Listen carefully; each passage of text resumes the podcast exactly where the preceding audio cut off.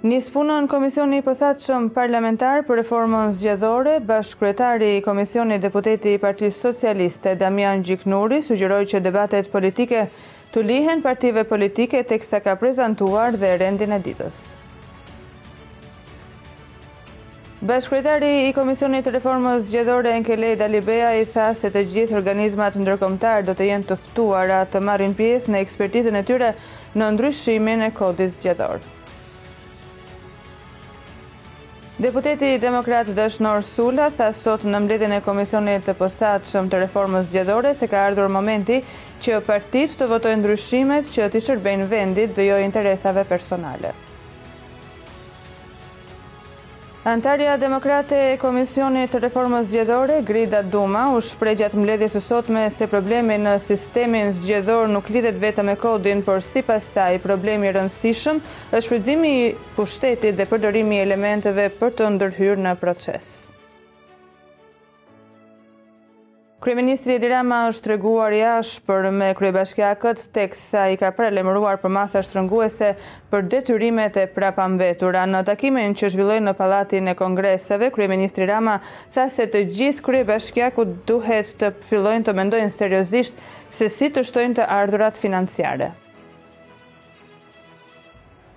Rreth tridhjetë e tre mijë maturantë në të gjithë vendin iu nënshtruan ditën e sotme provimit të dytë të maturës shtetërore, përkatësisht në lëndën e matematikës. Provimi nisi në orën dhjetë dhe përfundoi në orën dymbëdhjetë e tridhjetë. Përgjatë dy orëve maturantët iu përgjigjën pyetjeve të cilat janë të renditura sipas nivelit të vështirësisë së nxënësit, duke i krijuar kështu mundësinë çdo nxënësi të përmbushë objektivat e tij. Maturantëve u duhet të grumbullojnë njëzet e pesë për qind të pikëve për të kaluar edhe në këtë test. Ndarja në përqindje varion si më tej, dyzet për qind niveli i parë, dyzet për qind niveli i dytë, njëzet për qind niveli i tretë i vështirësisë. Maturantët kanë zhvilluar më herët provimin e gjuhës së huaj dhe atë të gjuhës shqipe dhe letërsisë, ndërsa më njëzet e katër qershor lënda me zgjedhje. Është zhvilluar në sheshin Skënderbej protesta e paralajmëruar kundër rritjes së çmimeve. Në ditën e dytë të kësaj proteste, qytetarët kanë shprehur pakënaqësi për krizën e çmimeve, ndërsa janë shfaqur me banderolën S'mban më ujë pilafi, gjithashtu, pas sheshit Skënderbej, marshimi ka vijuar drejt Kryeministrisë. Qytetarët kanë ngritur akuza ndaj qeverisë, pasi sipas tyre në bashkëpunim me oligarkët po i çon paratë tek koncensionarët dhe se nuk ka marrë asnjë masë për t'i ardhur në ndihmë qytetarëve. Vazhdon seria e tenderave abuzivë të autoritetit rrugor shqiptar për ndërtimin e rrugëve në Shqipëri.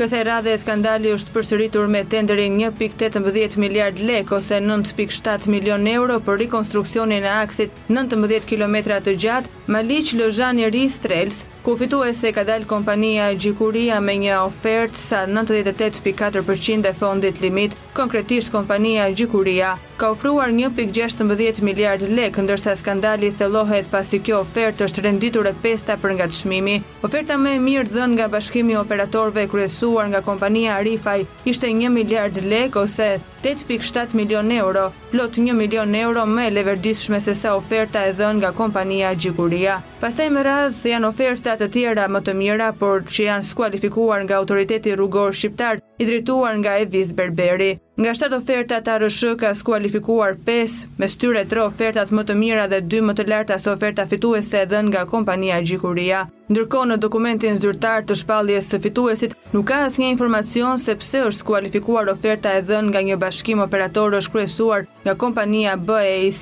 dhe pse kjo ofertë ishte e katërta më e leverdishme me një vlerë prej nëntë pikë katër milionë euro, rreth dyqind e pesëdhjetë mijë euro më e lirë se oferta e kompanisë Gjikuria.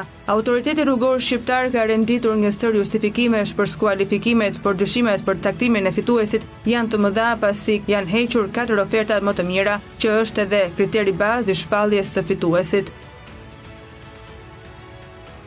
Kryetari i Partisë Demokratike Sali Berisha e ka quajtur vendimin e Prokurorisë së Posaçme kundër Korrupsionit dhe Krimit të Organizuar për ndalimin e publikimit të çështjeve të Nuredin Dumanit dhe Henrik Hoxhaj, tashmë të penduarit e drejtësisë, si antikushtetues dhe atentat ndaj lirisë së mediave. Me anë të një postimi në rrjetin social Facebook, Berisha e ka quajtur vendimin si rikthim të ligjeve të agjitacionit dhe propagandës në kohën e diktaturës.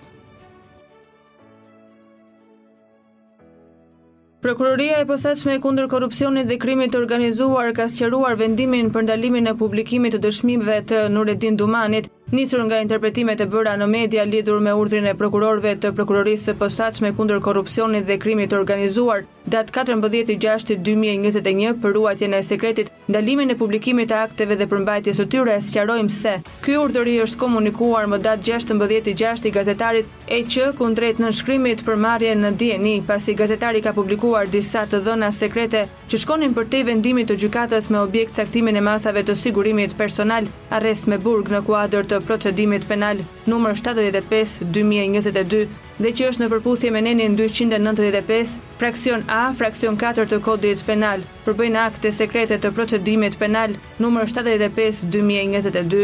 Sqarojmë se Prokuroria e Posaçme kundër Korrupsionit dhe Krimit të Organizuar këtë urdhër ia ka adresuar vetëm një gazetari dhe për arsye konkrete të sipërcituara. Prokuroria e Posaçme kundër Korrupsionit dhe Krimit të Organizuar po kryen të gjitha veprimet hetimore të nevojshme për të sqaruar rrethanat në të cilat informacioni hetimor sekret është transmetuar tek personat që më pas kanë publikuar atë, me qëllim vënien përpara përgjegjësisë të personit apo personave që kanë nxjerrë këtë sekret hetimor. Ne mirëkuptojmë interesin e mediave për informimin e opinionit publik, por ky interes nuk mund dhe nuk duhet të cënojë një hetim të filluar dhe as sigurinë publike apo individuale të personave emrat e të cilëve janë përmendur gjatë hetimit, i cili vazhdon, sqaron SPAK.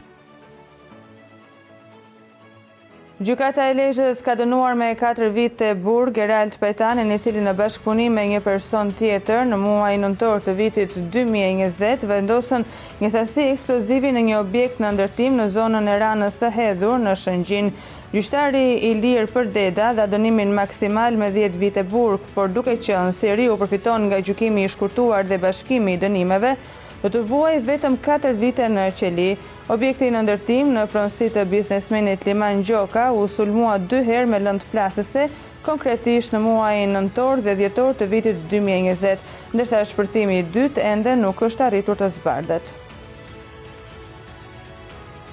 Një automjet është konstatuar mëngjesin e sotëm në rezervuarin e Çekrezës, mësohet se makina është zhytur tërësisht në ujë në distancën njëzet metra nga diga. Sipas burimeve policore është kërkuar asistenca e ushtrisë për të bërë të mundur nxjerrjen e mjetit nga rezervuari. Ndërkohë policia në njoftimin për media thekson se drejt vendit të ngjarjes janë nisur shërbimet zjarrfikëse bashkë me polumbarët e RENEA-s. Sakaq janë identifikuar dy të rinjtë të cilët u nxorën të pajetë nga rezervuari i Çekrezës. Mësohet se viktimat janë shtetasit Erion Muça dhe Dorina Gjokgjinaj, dy të rinjtë njëzet e dy vjeç dhe njëzet vjeç të cilët janë banues të zonës, U fundosën me makinën e tyre mëngjesin e sotëm në rezervuarin e Çekrezës. Ngjarja tragjike dyshohet të ketë qenë aksidentale.